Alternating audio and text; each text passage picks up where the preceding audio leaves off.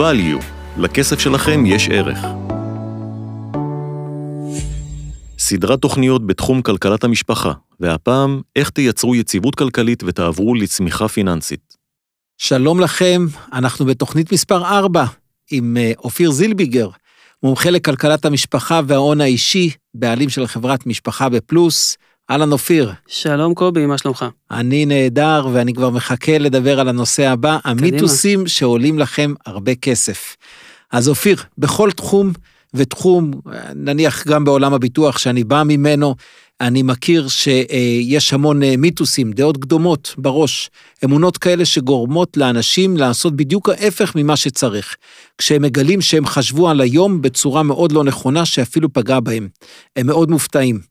תגיד לי אתה, שאתה נפגש עם מאות משפחות ומדבר איתם על כסף, איך מיתוסים נפוצים פוגעים להם בהצלחה הכלכלית? אוקיי, okay, אז באמת אנשים באים לתחום הזה עם המון המון אה, דעות קדומות, שזה נובע לפעמים אפילו ממשפט שאבא שלך אמר לך בילדות, או מאיזה חוויה שהייתה לך לגבי כסף.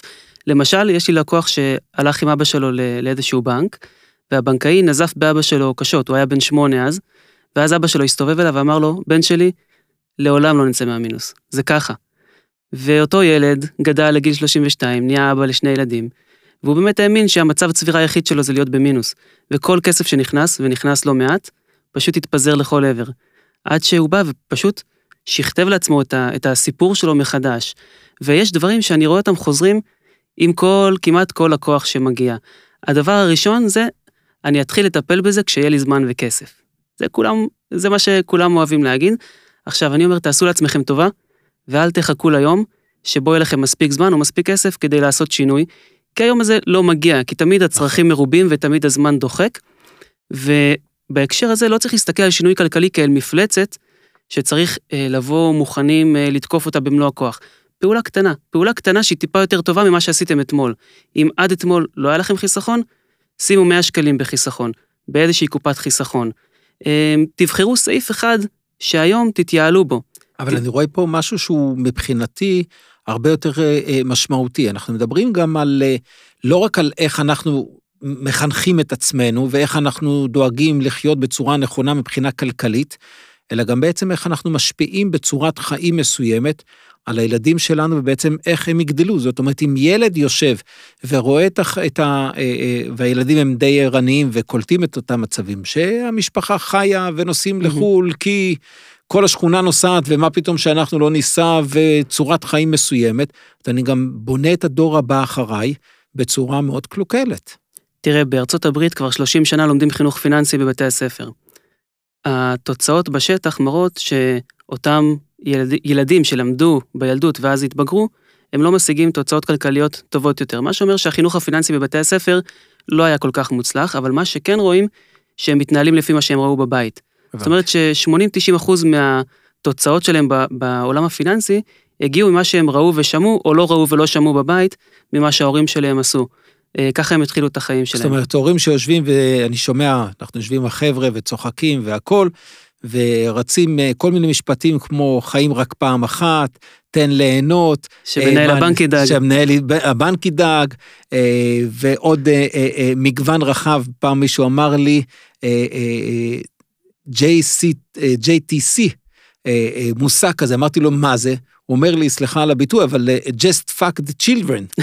הוא אומר לי, אני מבחינתי שורף את כל הכסף, לא כן. מעניין אותי הדבר הבא, והוא אומר את זה גם ליד הילדים, זאת אומרת, יש פה, בסופו של דבר, החינוך מהבית תופס את החלק המשמעותי. כן, אם חזרת מבולמוס של קניות עם שקיות של זרה ועוד כל מיני דברים כאלה, פשוט אין מה להתפלא שאחרי זה אה, הילדים לא יוכלו לשלוט בדחפים שלהם, או לתעדף, או להבין מה זה צריך ומה זה רוצה, ולא יוכלו לשלוט בתקציב. טוב, אני, אני, אני יכול לתת ככה, אתה, בהמשך נשמע את הסיפור האישי שלך, כן. אבל אולי בקטנה כן. את הסיפור האישי שלי, אני לא, לא אכנס, אבל אה, אני לא גדלתי במשפחה עם אה, כסף בלי סוף, שבעה ילדים, זוג הורים, אמא עקרת בית, אבא בעצם פועל, גדלנו בשכונה, אה, דירה של עמידר, שלושה חדרים, בשכונה מאוד קשה בירושלים, וברוך השם אה, אה, הצלחתי, ותמיד היה לי חשוב עם הילדים שלי, גם כשהם רצו לקנות משהו, זה לעצור אותם שנייה ולהגיד להם, בואו נחשוב אם אתה באמת צריך את זה.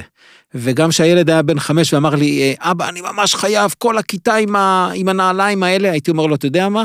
אני איתך, אבל אתה משלם חצי מהנעליים, כי יש לי תקציב של עד 200 שקל לנעליים, אתה רוצה ב-400 שקל? ופתאום בחלק גדול מהמקרים הוא אומר לי, אה, אתה יודע מה אבא, אה, בעצם בסדר, אני לא, לא חייב את זה.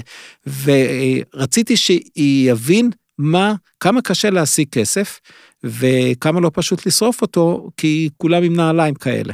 זה חינוך פיננסי למהדרין, כן. יפה מאוד. תראה, עוד דבר שאני שומע מהרבה אנשים, זה מאוחר מדי בשבילי. עברתי את גיל 40, יש לי שני ילדים, יש לי שלושה ילדים, עברתי את גיל 50, אני כבר מקרה אבוד, מה אני אעשה, כבר הפנסיה מתקרבת.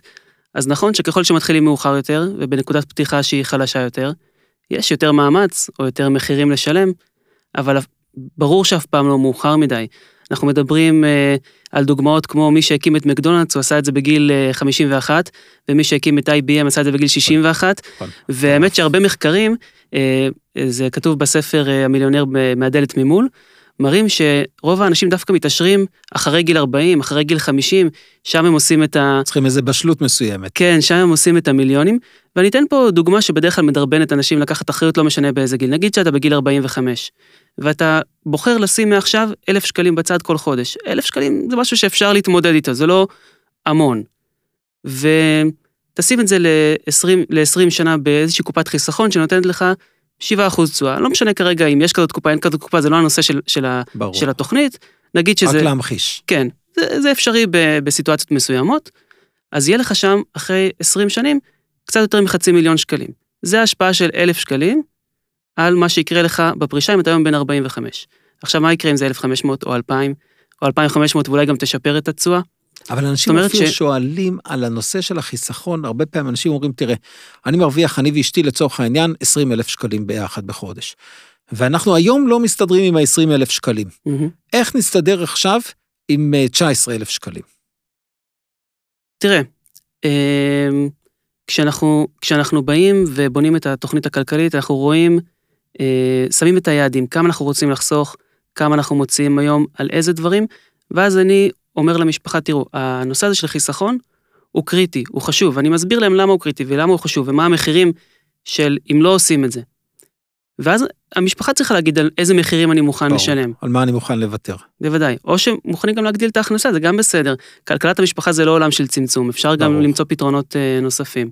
ויש, אם יש לנו עוד uh, דקה, את, הד, את הדבר שהוא הכי נפוץ. זה אני לא טוב בניהול של כסף, או אני לא טוב באקסל, אני לא טוב במתמטיקה, נכון. אני יותר הומני, אני לא נכון. ריאלי, אז זה קשקוש. כי הטכניקה של ניהול כלכלת המשפחה היא זמינה והיא פשוטה. זה רק לקבל את ההחלטה. העניין זה, זה יושב הרבה על ההתנהגות, על קבלת החלטות. כשיש את המוטיבציה לעשות את השינוי, אז את, ה, את הפרקטיקה אפשר ללמוד, אפשר לרכוש די בקלות. זה רק עניין של להבין, לעשות את הסוויץ' בראש, ופשוט לגשת ולרכוש את הידע ולעשות. טוב, אז אנחנו שוב פעם בתוכנית מרתקת, אני אסיים שוב פעם עם איזשהו משהו אישי, אבל uh, כשפתחתי תוכנית חיסכון, נניח לפני קופת גמל להשקעה לפני שנה או שנתיים, והפקדתי 500 שקלים, אז אני יודע שבעצם בשלב מסוים ההכנסה שלי היא פחות 500 שקלים, ויש בצד נזרק, ובלי לשים לב, לא יודע, יש שם כבר 20 אלף שקל. אז uh, פשוט לעשות את אותה, צריך לקבל את ההחלטה, בום, כן. לפתוח את התוכנית. והדברים נכון. קורים. וחשוב להבין שאף אחד לא נולד כלכלן, גם אני לא יצאתי מבטן אמי אה, עם ידע כלכלי, פשוט הולך ולומד, אז ז, זאת הדרך.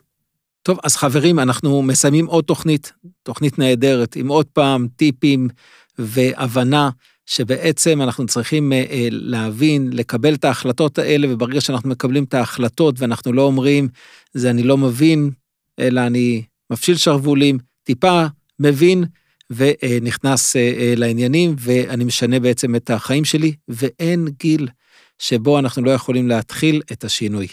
אז לא משנה אם אתם בני 40, 50, 60 או 70, תעשו את השינוי, תרגישו יותר טוב עם עצמכם. תודה, אופיר. תודה רבה.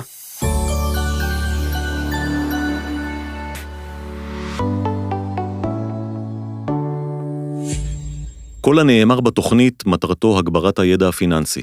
לצורך בחינת המלצות מותאמות באופן אישי, חובה להתייעץ עם בעל מקצוע. אין לראות בנאמר בתוכנית המלצה אישית.